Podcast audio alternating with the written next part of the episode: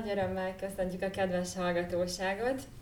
Ez a mai beszélgetés a Nemzeti Ifjúsági Tanács Talk külön kiadása, és ez az egész a, tanács közéleti mentor programjának régiós csapata által megvalósuló projektmunkájának nyitó eleme is egyben.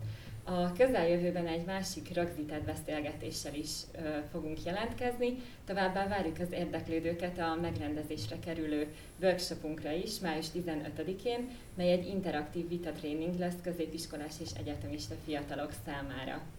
Most pedig szeretném átadni a szót projektársamnak és egyben a beszélgetés másik moderátorának.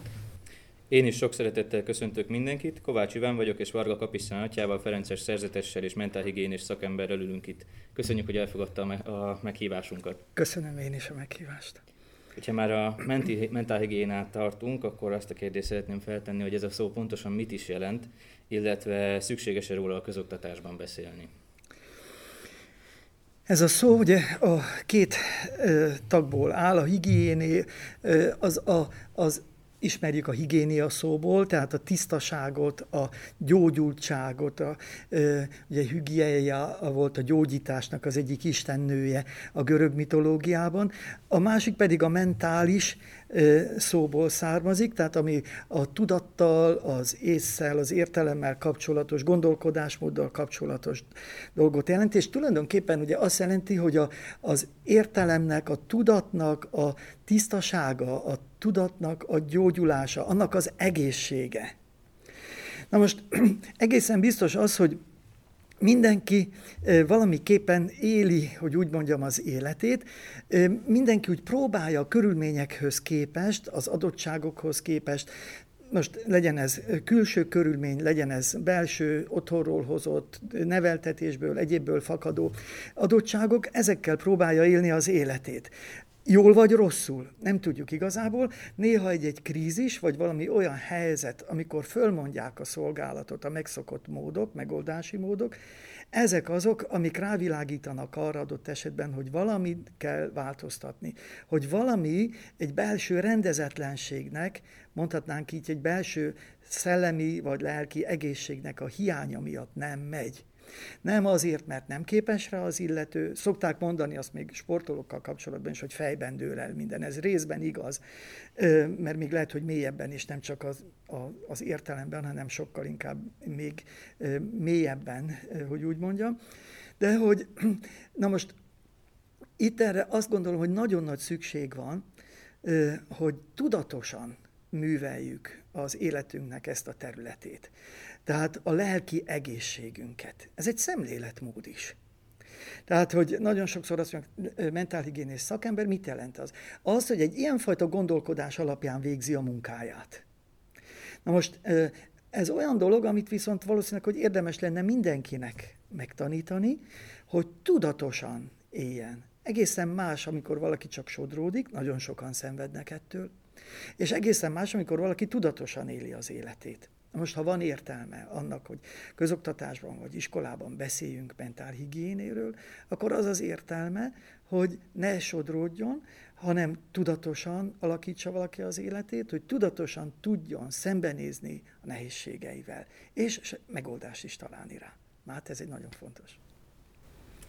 Kapisztránatnak kérem, egy, mondjál a gondolatait arról, hogy a popkultúra napjainkban hogyan hat a fiatalok értékrendjére. Hát ez egy jó kérdés, és lehet, hogy olyan dologról kell beszélni, amit én igazából most ma a, a teljes palettát ugye nem ismerem, tehát teljes szélességében. Még, még egy pár évtizeddel ezelőtt ez áttekinthetőbb volt, most már annyira árnyalt, annyira sokféle, annyira tulajdonképpen globális is ez a fajta kultúra. Talán, talán onnét lehetne kiindulni, hogy a zene az mindig nagyon mélyen hat az emberre.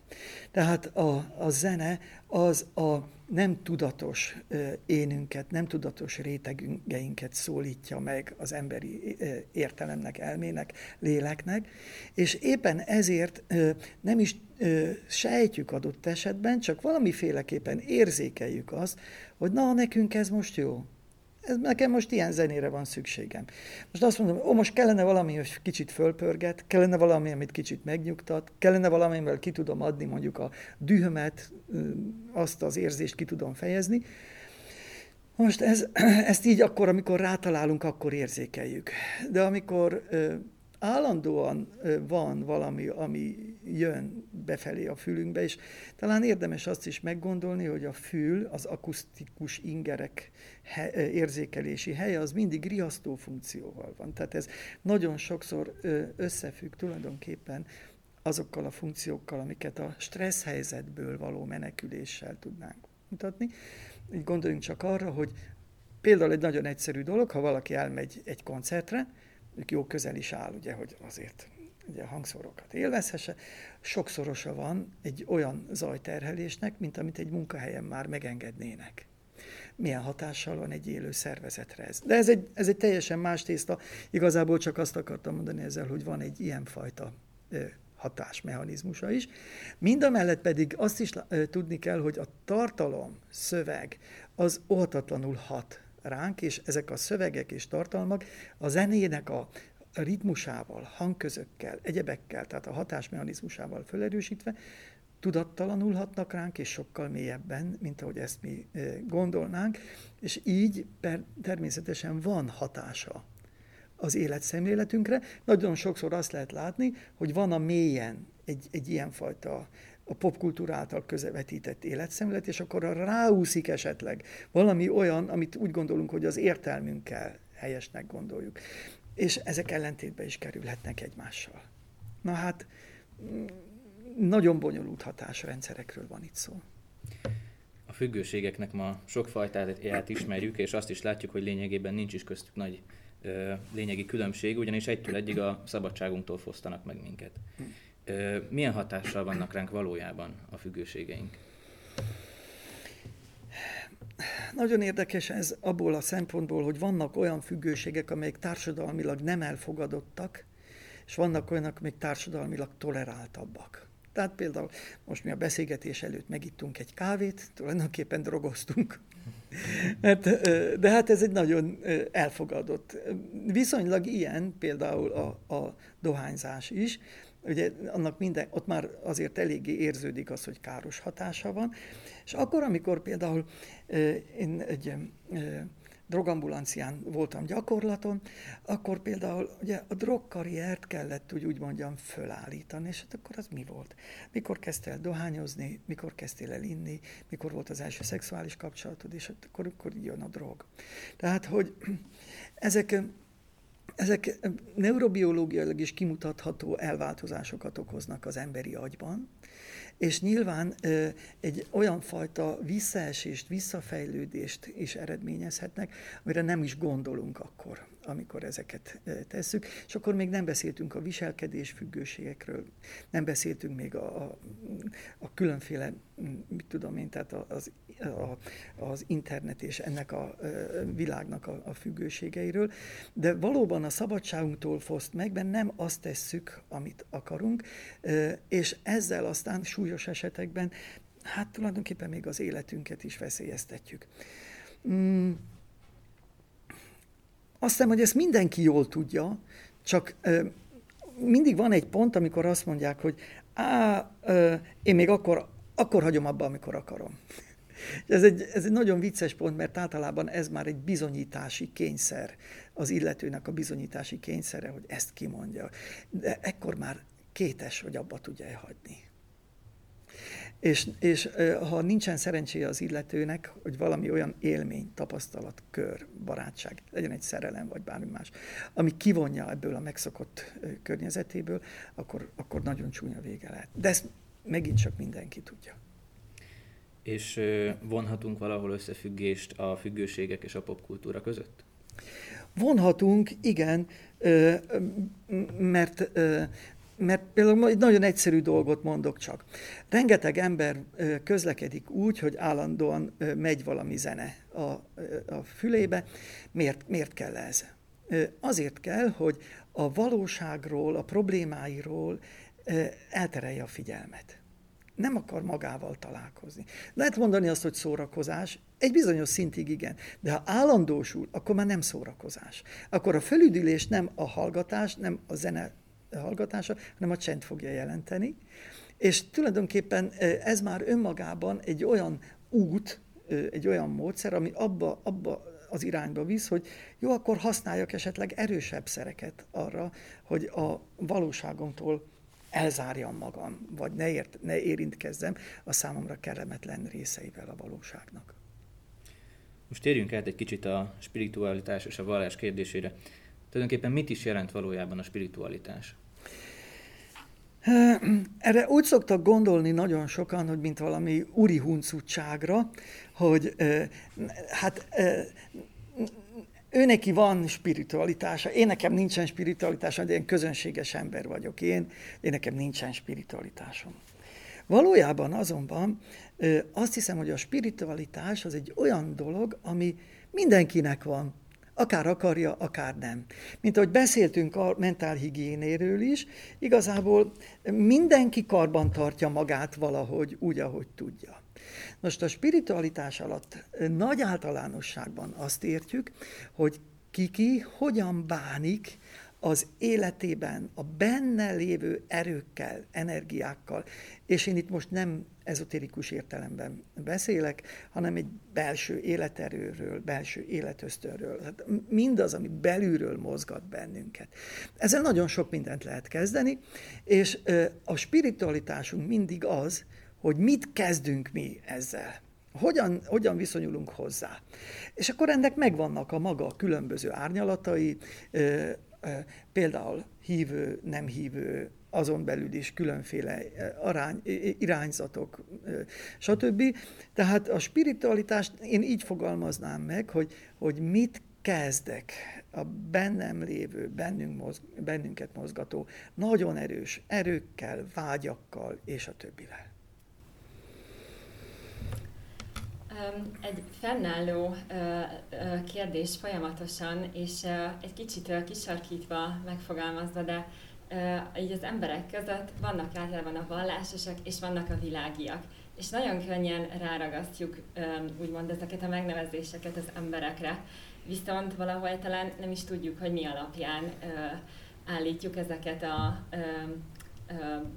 sztereotípiákat, mondjuk úgy, és én most arra lennék kíváncsi, hogy miben különbözik egy vallásos ember élete egy világiéhoz képest. Vonható-e köztük párhuzam, vagy van -e egyáltalán bármilyen eltérés? Úgy értette, hogy vallásos és nem vallásos. Igen. Oké. Okay. Szóval lehet hogy, lehet, hogy valahogy az elején tehát, hogy más, másként jelenik ez meg az élet különböző szakaszaiban is.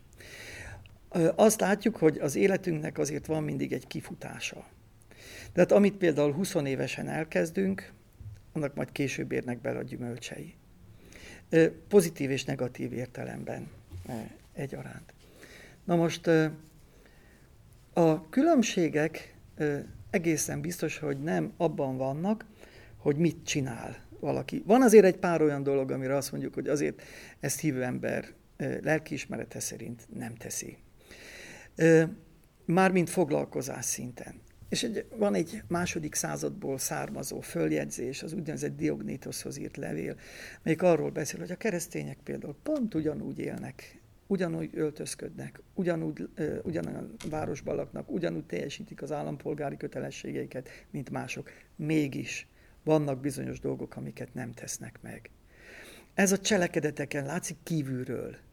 Ha nem, ha nem látszik, és hogyha nem, nincsen semmi olyan, ami megkülönböztetni az emberek többségétől, vagy a nem hívőktől, akkor, akkor lehet, hogy ők valamit, valahogy nagyon belesimultak már abba a világba, amiben élnek, és lehet, hogy tényleg nincsen akkor ezek szerint köztük különbség.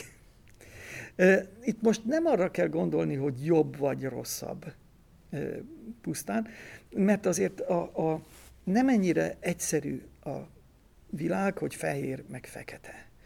És nem, nem, nem mondhatom azt, hogy ó, persze, ha ilyen, akkor jó, hogyha nem ilyen, akkor rossz. Vannak, azt kell mondani, hogy a kettő között legalább egy román filozófusnak van egy nagyon érdekes tanulmány, hogy ettől bonyolultabb a dolog, mint hogy fehér-fekete, vagy ateista és keresztény, vagy hívő ember. Van még kette, kezdte, közötte kettő kategória. Olyan hívő emberek, akik nem jó hívő emberek, és olyan nem hívő emberek, akik meg jó emberek. Ugye, és azt hiszem, hogy ezt mindig látni kell. Hm.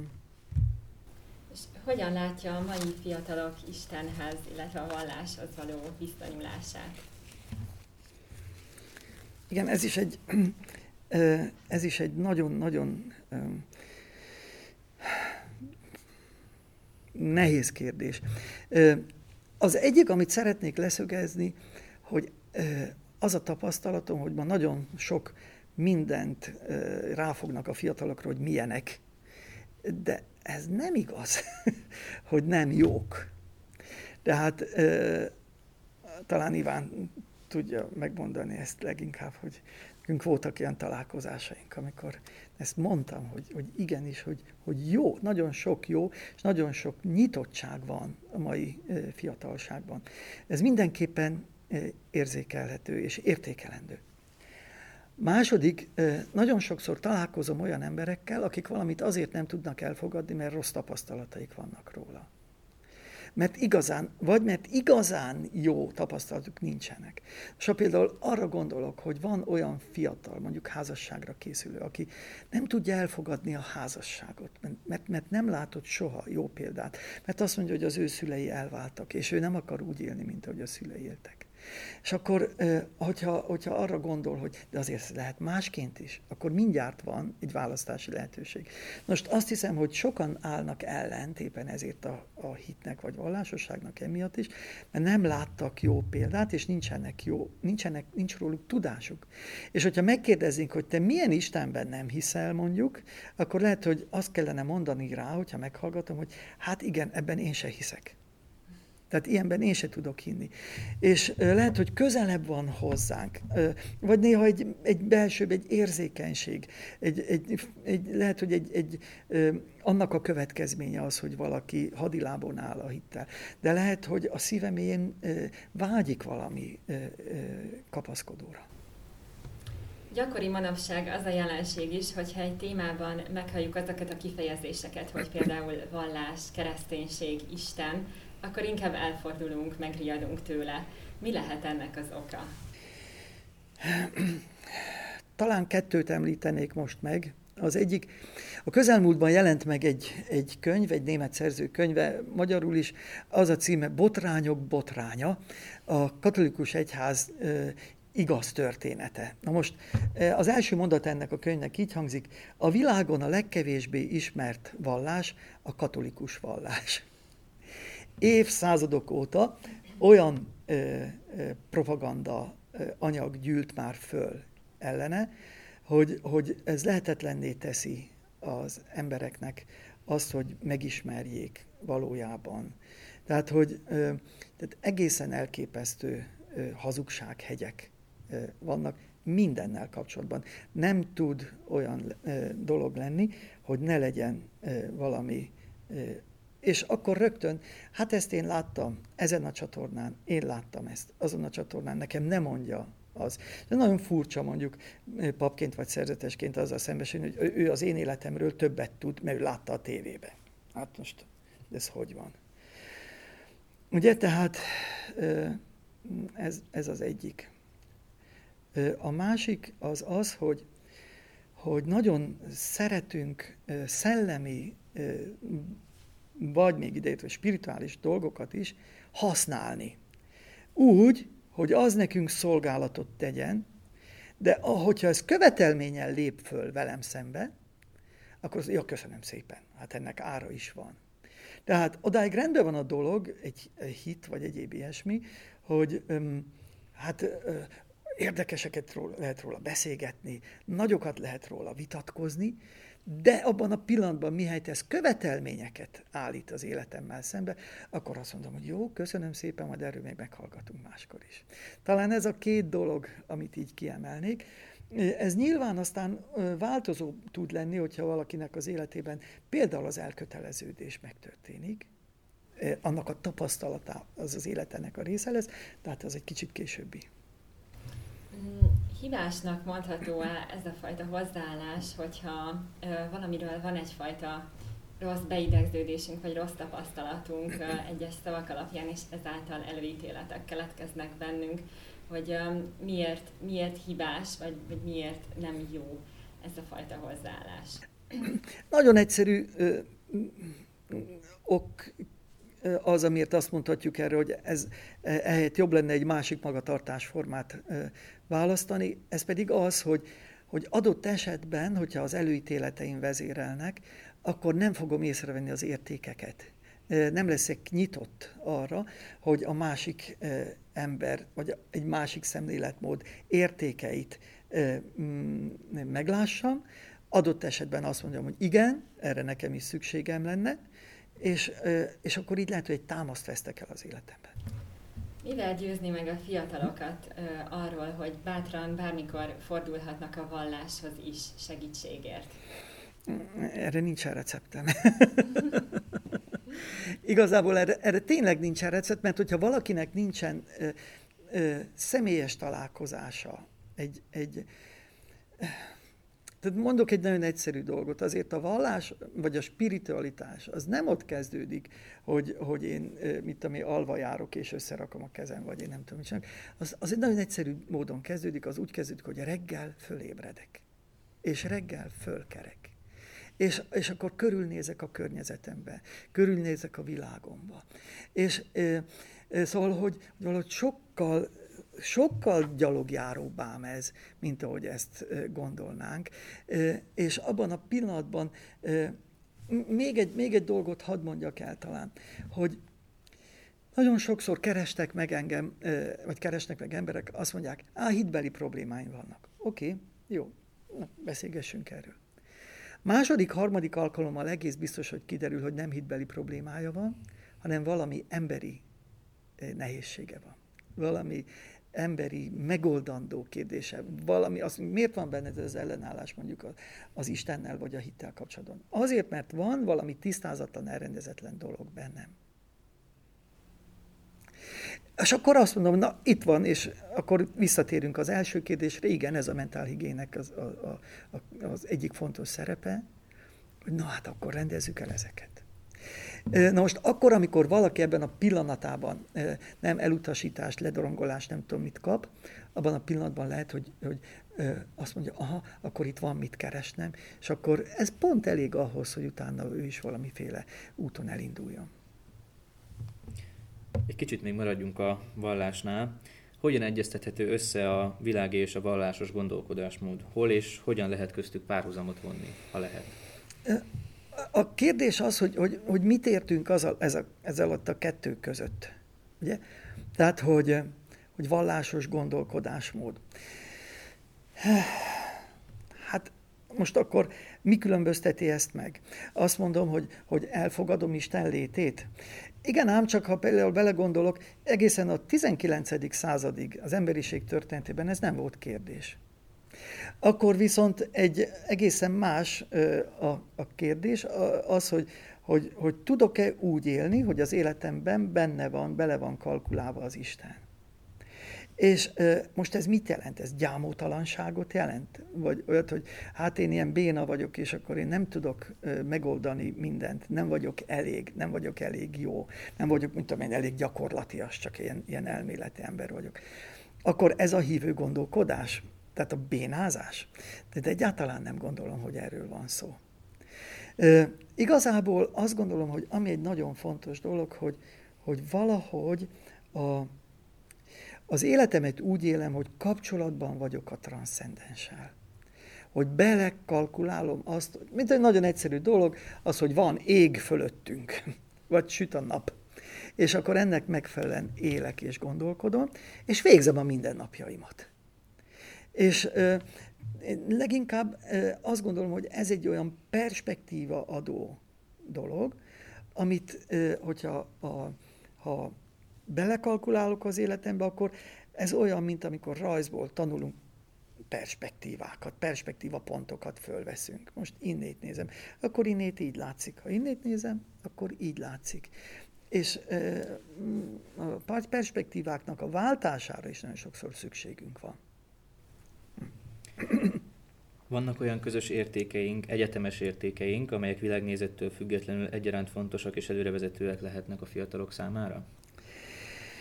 A, igen, persze.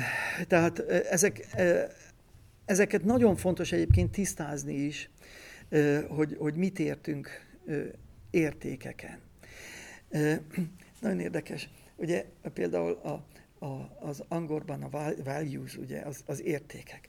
És hogy ez a valeo latin szóból származik, így köszöntek el egymástól, vale, valéte, legyetek jók és legyetek egészségesek.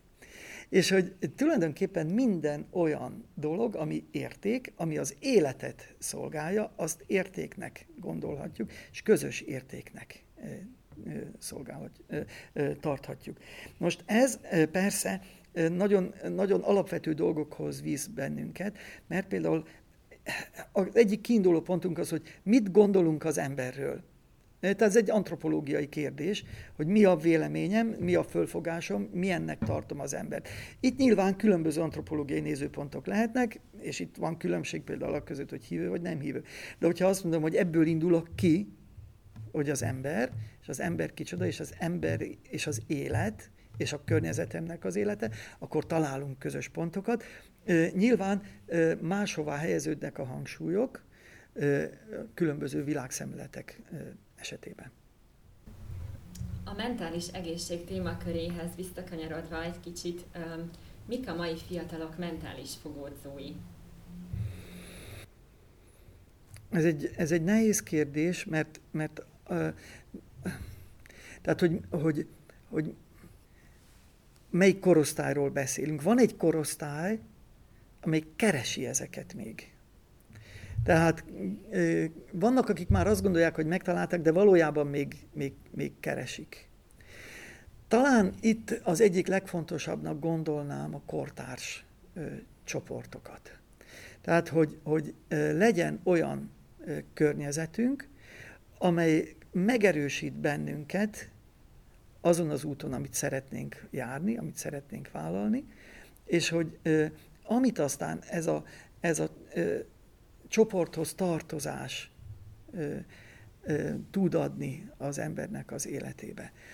Azután mm, nagyon sok, tehát elmondhatatlanul sok lehetőség áll a mai ö, fiatalok részére már nyitva, és tulajdonképpen egy csoport, vagy egy valahova való tartozás az abban is segíthet aztán, hogy a megfelelőt válasszuk. Mert nagyon nehéz eligazodni is, és nem lehet tudni, hogy egy ilyen vákumba, vagy egy ilyen hiányhelyzetben, amikor valaki egy, meg akar oldani valamit, hogy akkor mit hív be, mik, mikbe botlik bele, mik, milyen megoldásokat kínálnak föl nekik, azért itt vannak sarlatánkodások, az igazság.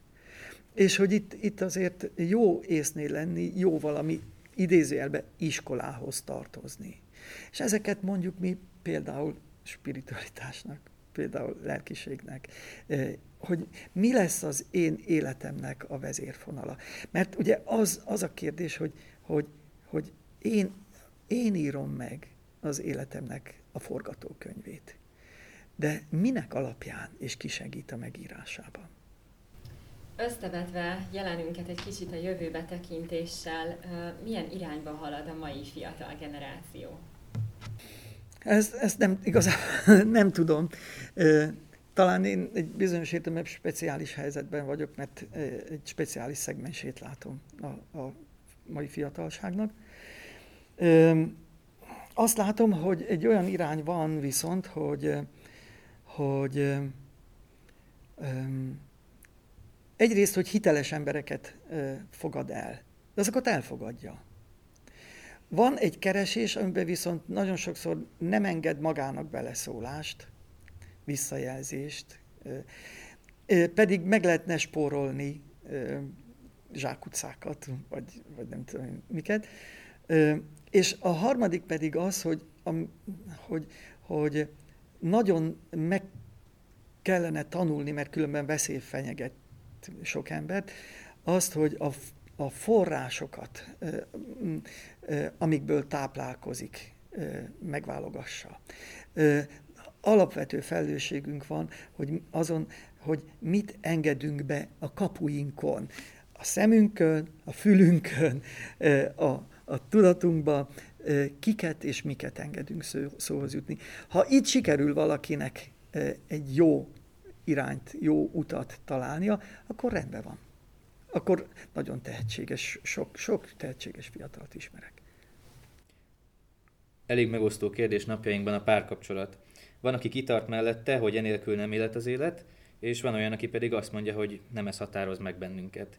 Ön mit gondol, szükség van párkapcsolatra egy teljes értékű élethez?